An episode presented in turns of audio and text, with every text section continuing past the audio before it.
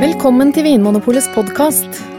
I panelet i dag sitter programleder Trond Erling Pettersen, varefaglig leder Tom Tyrihjell og varefaglige rådgivere Anders Stueland og Anne Engrav.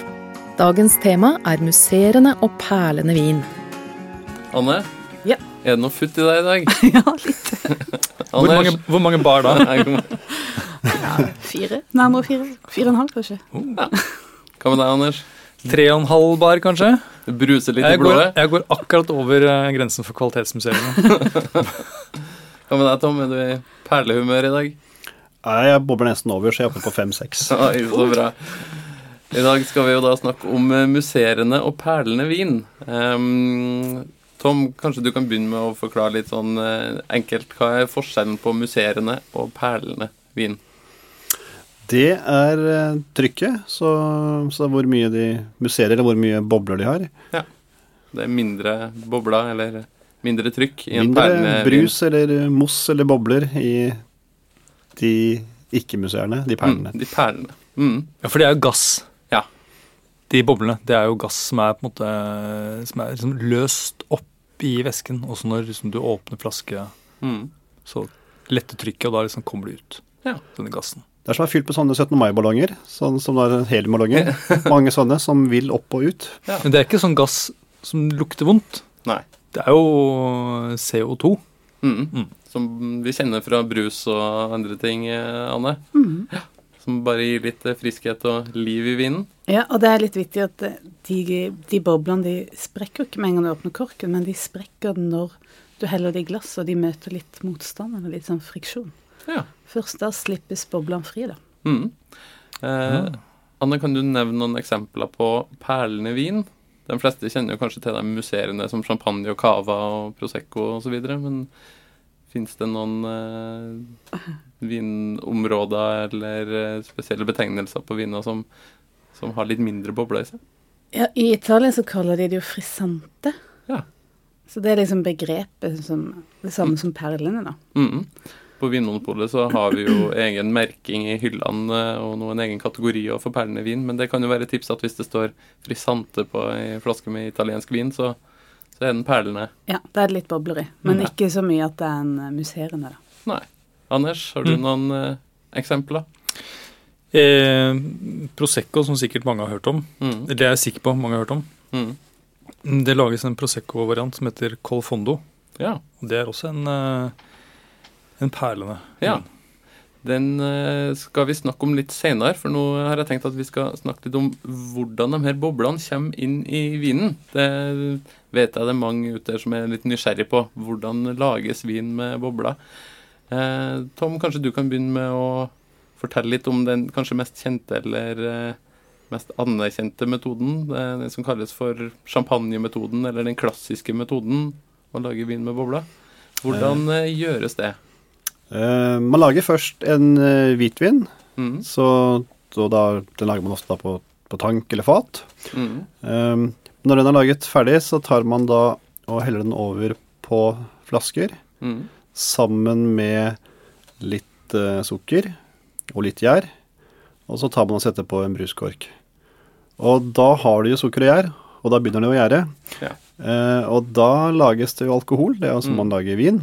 Men Mm. i tillegg så lages det da CO2, den, den gassen, Mm. og det er det som da blir boblene. Ja, så enkelt. Så enkelt, på en måte. Ja. Men eh, jeg har bl.a. brygga litt øl eh, på hjemmebane, og når jeg da gjør det samme, setter på kork og lar eh, ølet ettergjære så det skal bli bobler i flaska, da dannes det jo litt sånn grums i bunnen, Anders. Litt Mhm. sånn bunnfall. Men i de flaskene her åpna med cava og champagne og vin som lages på den måten her, så er det jo ikke noe grums. De er jo helt klare. Det er de. Fordi ja, det grumset du ser, det er jo i ølet. Mm. Det er jo døde gjærceller. Ja. Men i champagne og cava, så blant annet, så, så tar de jo bort det som er av døde gjærceller. Mm. Og da har de en litt sånn snedig metode for å gjøre det. Og det, det de gjør, er at de over en ganske lang periode vrir og snur sakte, men sikkert på alle flaskene. Og Ja. Du kan se for deg at flaskene starter eh, i oppreist stilling, Mm. og så ender de opp med tuten ned. Ja. Og det som har skjedd i løpet av den tiden, der, er at eh, de døde gjærcellene sklir ned i tuten, ligger liksom helt oppunder korken. Sklir ned i halsen på Ligger ned i halsen, så det blir et sånt bunnfall. Eller toppfall, nesten. Topp- for det ja. kommer ned i halsen. Men det blir jo mm, topp. Mm. Mm.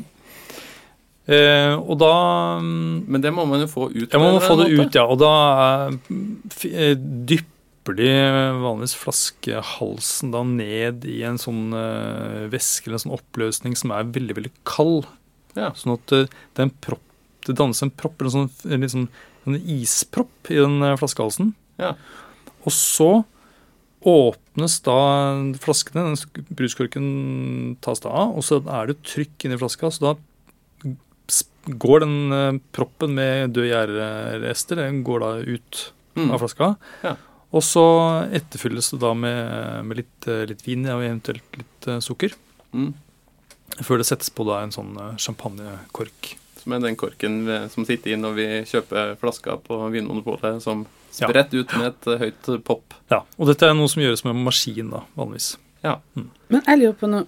Hvorfor må man bruke så lang tid på det, egentlig? Kan du ikke bare helle i dette her uh, gjærtinga, og så snu flaska på hodet og vente til alt har falt ned? Det har jeg aldri helt skjønt. Vet dere? Nei, jeg vet ikke. For det, det er jo sånn som å snu sakte, sakte, sakte. Men hvorfor det? Hvorfor kan man ikke bare snu rett opp? Ja, hvorfor ikke det? Nei, det, det Kanskje du ikke får med alt. Nei, kanskje det dannes mer etter hvert. Eller kanskje det har noe med at um, At det ikke skal legge seg i bunnen også, sånn sett. At Mm, at hvis du feste seg på fest- fester seg, Ja. da blir det litt sånn udelikat, kanskje. At man kunne sikkert gjort det, så da, burde det har blitt, hadde det blitt igjen. Ja, for, Apropos det også. ja, for gjærrestene har jo en funksjon, var det jeg skulle til å si, Tom, Ja, i for- champagne og cava. Vi hoppa litt over et steg her, for det Ja, for det høres ut som en sånn tungvint måte å gjøre det på. liksom sånn, Hvorfor ta, putte noe på flaske når du skal ha noe ut av den etterpå? ja, på den hvorfor, måten. ikke, hvorfor ikke bare fylle på med kullsyre og sprøyte det inn i vinen? Og uh, bare en sånn gjærting til er at man kan jo bruke ulike gjærsopp når man skal lage vin. Og for champagne har man utviklet en egen type, eller rendyrket en, Mm. som, eh, eh, hvor gjæren sammenklumper seg mer enn andre. Slik Ja. at du får litt, større klumper, så det er lettere å få det ut. Få det ut. Men hvorfor, Altså, hvorfor gjør man dette i det hele tatt? Ja. Uh, og det er jo at den tiden vinen ligger sammen med gjærrestene, som vi kaller for autolyse, Mm. det, det er det både krav til i ulike regioner, sånn som i champagne, og det gir ekstra smak og kompleksitet til vinen. Ja. Så det er rett og slett en måte å lage et litt særegent produkt på, at vinen får ligge sammen med de her døde gjærcellene Mm. i ei Ja. tid. Mm. Ja, det har sikkert noe med det å gjøre, for da får du liksom mer kontakt med Mm. hele vinen og gjærrestene. mm. For det er jo ganske lang tid de blir liggende sammen med gjærrestene. Ja, hvor lang tid kan f.eks. champagne ligge sammen med mange, med mange år. gjærrestene? I mange år før de eh, fjernes? For Ja. champagne er jo minstekravet tolv måneder på bermen, altså dette bunnfallet. Og det er de enkleste Det er de aller enkleste, ja. champagne. Ja. Så det er årevis det er snakk om. Ja, det er vel noen som har ligget sånn 12-13 år, ikke sant? For den Mm. prestisjekuver. Ja. Og så er det noen typer museene som eh, lages på en helt annen måte, Anne. Men Før vi går videre. Ja. Fordi det er jo, Nå snakker vi om autolyse og berm og død jeg. Altså det Ja. høres kanskje litt ekkelt ut. ja. Eh, Så jeg bare tenker at du kanskje må fortelle litt hvordan, Hvordan smaker hvordan det? smaker det? Hva, Ja, er det på en måte, hva er det man får ut av dette her? Hva er det liksom, Hva er poenget? ja, hva er poenget? Mm. Vær så god, Anders. Skal jeg si det? Ja. Jo, fordi eh, Tom nevnte jo autolyse, og det er jo denne prosessen som skjer i Mhm. gjærcellene. De brytes jo opp, og da kommer det noen sånne aromastoffer også, som minner litt om brøddeig og kjeks og sopp. Ja. Ting som ikke er i vinen fra før av. Mm.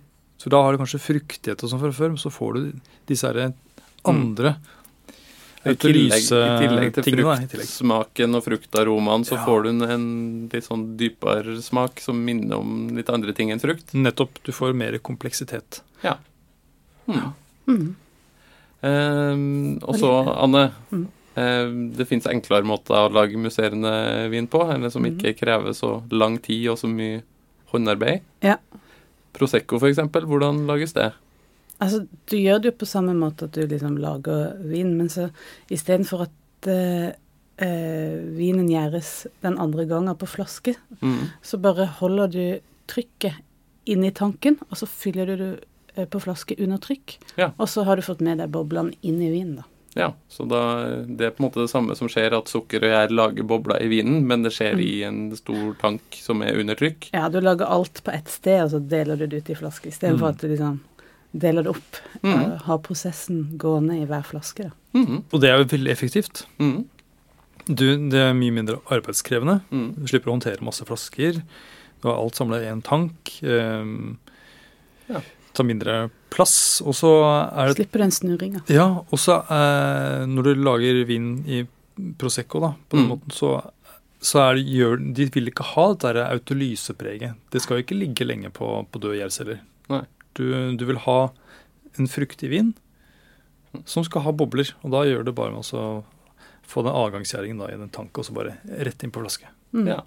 Men Tom, det fins en litt mer teknologisk måte å gjøre det på i champagne og cava og andre steder der det lages vin på den helt klassiske metoden òg. Man trenger ikke alltid å gå og vri på flaskene for hånd. Nei, nei, du tenker på Giro Sol, eller Giro Palett. Ja.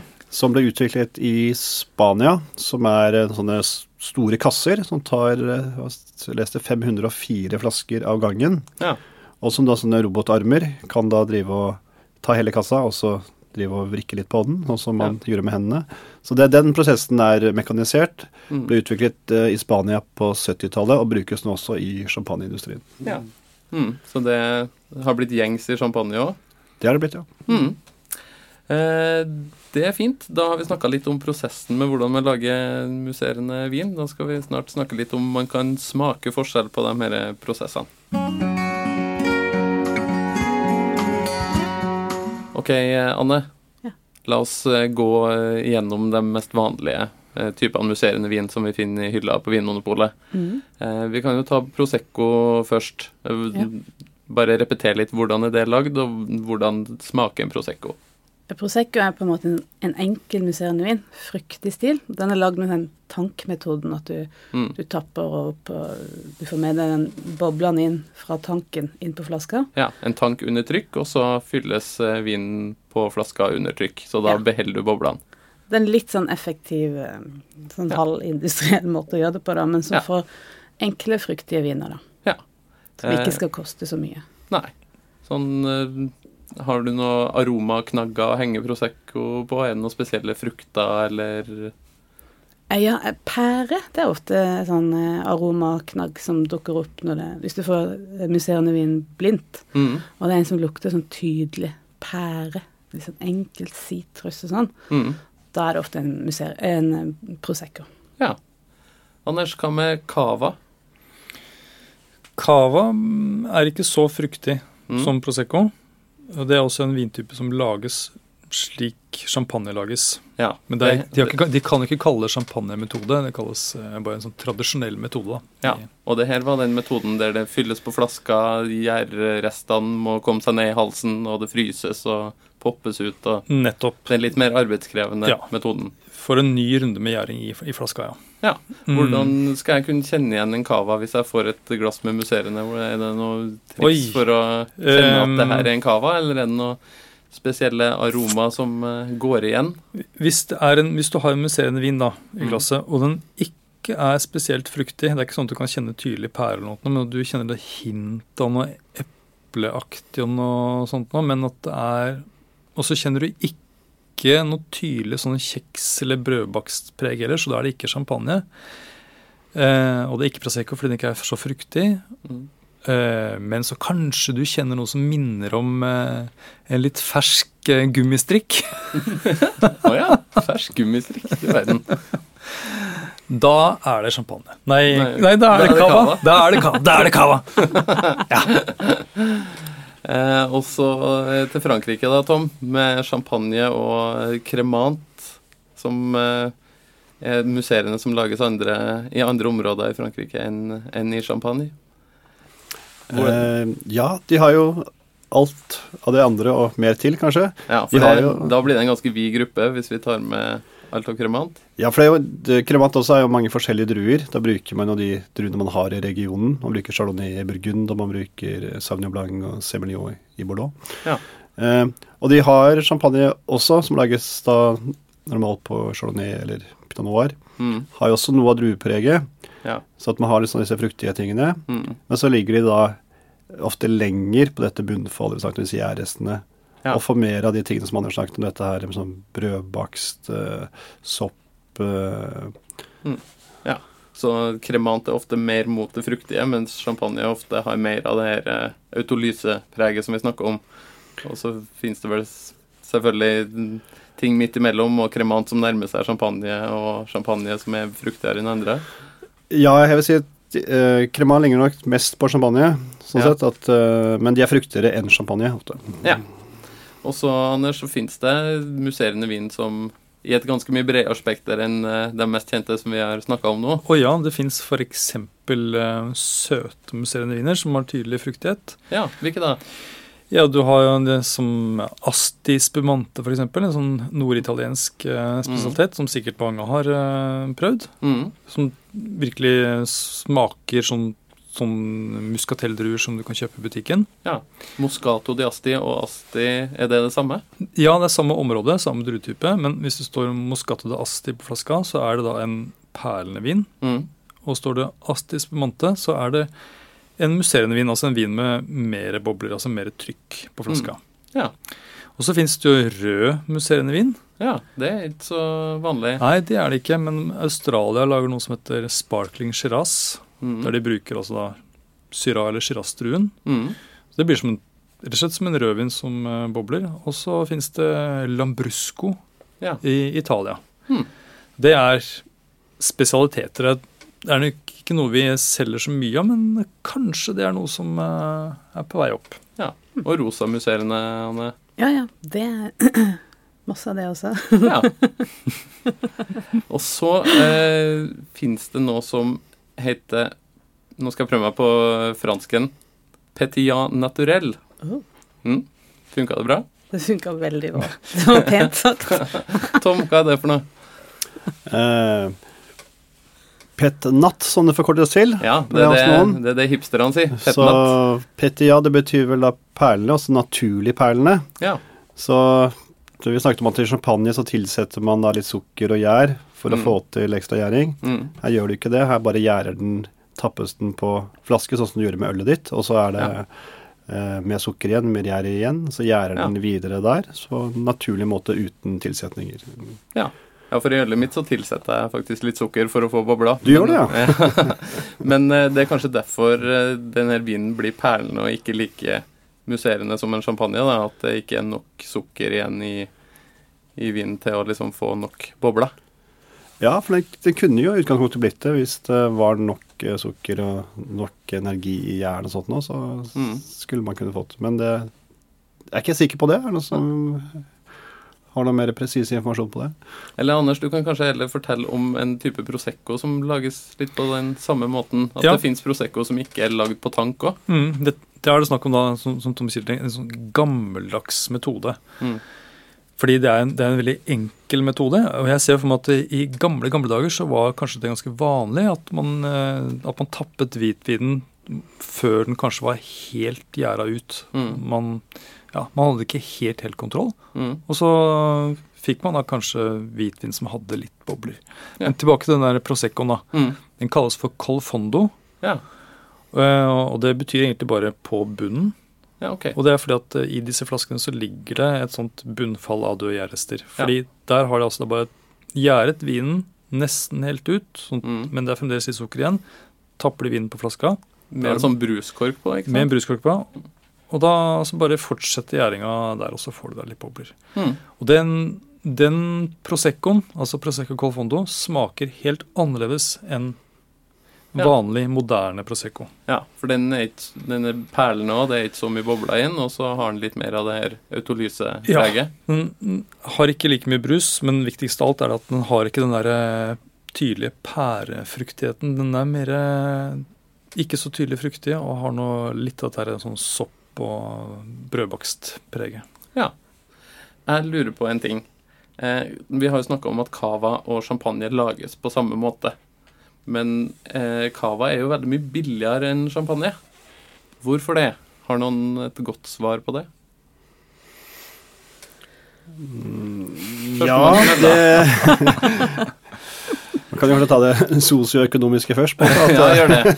at det er sånn eh, mer prestisje, og det er dyrere å kjøpe druer og land i Champagne. Det er et veldig sånn begrenset, eh, et lite geografisk område. Ja, så det Mens cava kan lages på et svært areal, så det koster mer å skaffe seg den eiendommen hvor du kan lage denne vinen. Ja.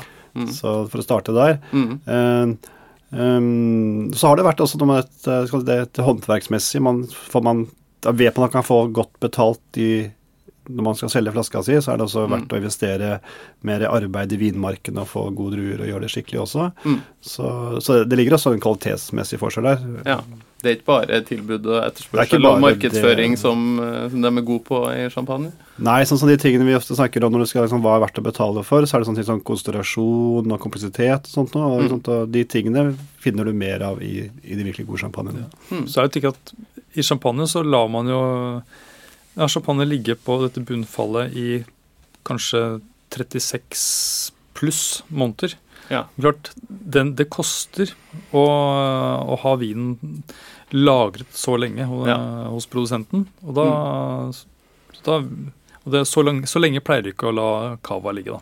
Nei, så da betaler vi litt ekstra Ja. for at uh, Også- produsenten har uh, tatt sjansen på å la det ligge lenger i, Ja. i kjelleren. Og så tror jeg også det er litt Champagneprodusentene er nok litt mer Eller dyrkerne er mer utsatt for vær og, og klima. Det er, et, det er veldig kaldt i champagne. Det er Mm. liksom helt på grensen for hva som er når, liksom, når det gjelder å dyrke druer. Mm. Ja, det er jo et av de nordligste vinområdene eh, Mm. i verden, egentlig. Så har de uflaks, så er det, blir det hagl, ikke sant. Eller at eh, det er frost på et uheldig tidspunkt, og da mister de mye avlinger. Mens eh, i Spania, der de lager cava, Mm. så er det nok mye enklere å få jevne, gode avlinger. Mm.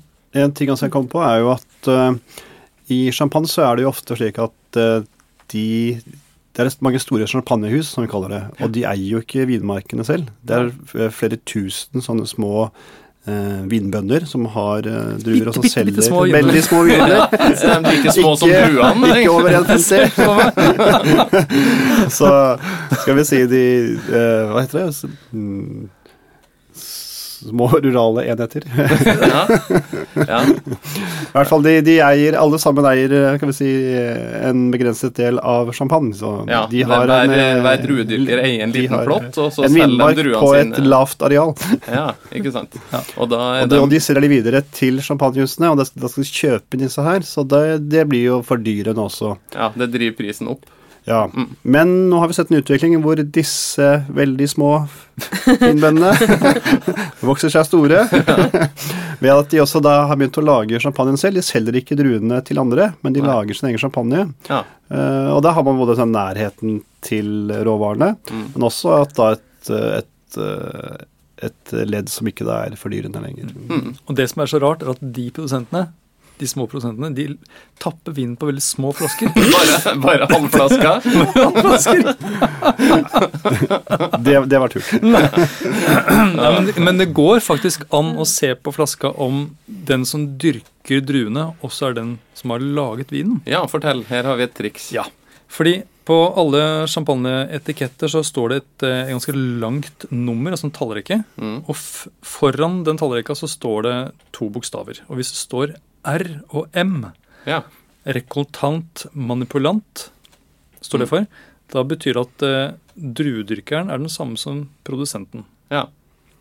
Mens hvis det er et stort hus som har kjøpt inn druer fra masse dyrkere, står det noen bokstaver da? Da kan det f.eks. stå NM. Ok, Hva står det for? Det, blir, ja, det er sånn negosiant manipulant. Ok, da vet vi det. Det var et godt tips. Eh, veldig bra. Da skal vi straks snakke litt om hva slags type museene som passer til mat. Og så skal dere få lov til å dele deres beste opplevelser av museene til mat. Du vet kanskje at ordet 'brytt' på en flaske champagne eller annen musserende vin betyr at vinen er tørr? Men det fins enda tørrere varianter, og flere franske betegnelser som gir deg en pekepinn på hvor tørr eller søt vinen er. La oss bruke champagne som et eksempel på franske ord og uttrykk du kan finne på etiketten. Do betyr søt, og flasken inneholder mer enn 50 gram sukker per liter vin. Dette er omtrent halvparten av sukkermengden du finner i en brus. Så kommer demi-sec, som betyr halvtørr. Sekk betyr tørr, men disse vinene inneholder også en god del sukker og smaker halvtørt. Så beveger vi oss ned mot omtrent 15 gram sukker per liter. Her finner vi betegnelsen extra dry, ekstra tørr. Men champagne kan bli enda tørrere enn dette. Brutt betyr egentlig ubehandlet. Likevel kan vin merket med dette ordet ha opptil 12 gram sukker per liter. Til slutt finner vi vinene som ikke er tilsatt noe sukker eller bare noen få gram. Ekstra brutt kan bety opptil 6 gram sukker per liter, men champagne som merkes brutt Natur eller Zero Dosage er uten tilsatt sukker og helt knusktørr. Anne, Ja. vi har jo noe som heter Smakesmia i Vinmonopolet. Mm. Der eh, alle dem som jobber i butikkene våre eh, rundt omkring i Norge, to ganger i året smaker på mat og vin eh, sammen og følger et lite kursopplegg. Mm. Eh, og du har nevnt at du har en lærerik opplevelse fra en av de her smakesmiene som handler om musserende og mat. Ja, Kan det, du fortelle litt om det? Temaet for hele Smaksmia var jo museene. Mm. Og det som jeg syns var så bra poeng i den smakesmia der, da, det var det at du fikk ut litt eh, Jeg skjønte litt mer av hvilken rolle de forskjellige stilene av museene hadde til mat. Ja. For da den eh, maten vi spiste da, i den smakesmia, var et eh, rekesmørbrød Mm. og et krabbesmørbrød. Ja. Så tilbehøret var akkurat det samme. Eh, men til det rekesmørbrødet så smakte en sånn enkel, fruktig musserende vin. Det gikk superfint. Mens til, eh, mens til det krabbesmørbrødet, da, Mm. så var det mye bedre med en litt mer sånn autolyseprega, mer kompleks variant, da. Mm, som hadde mer av det her brød og eh, Ja, som hadde flere aromaer og mindre fruktig.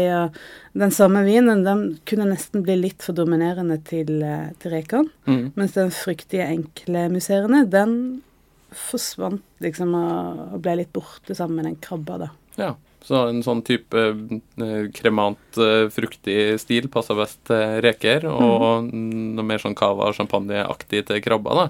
Ja, det, det var veldig godt med champagne, da. Det må være lov å si. det må være lov, det. ja. Eh, Tom, har du noen sånne gode matcher eller gode opplevelser med museene til mat som du vil eh, dele med oss? Eh, ja. Eh, til det første jeg å si at champagne er jo veldig god eller musserende vin. Det er Mm. veldig god matvin. Ja. Eh, og Før så ble liksom det tatt på å være sånn aperitiff eller sånn drikkevin bare. Mm. Men nå er det flere, stadig flere som tar det gruppen Ja. vintypen på alvor som matvin også. Og Kan, kan du bare si noen få ord om det? Hva er det ved museene som gjør det til gode matviner?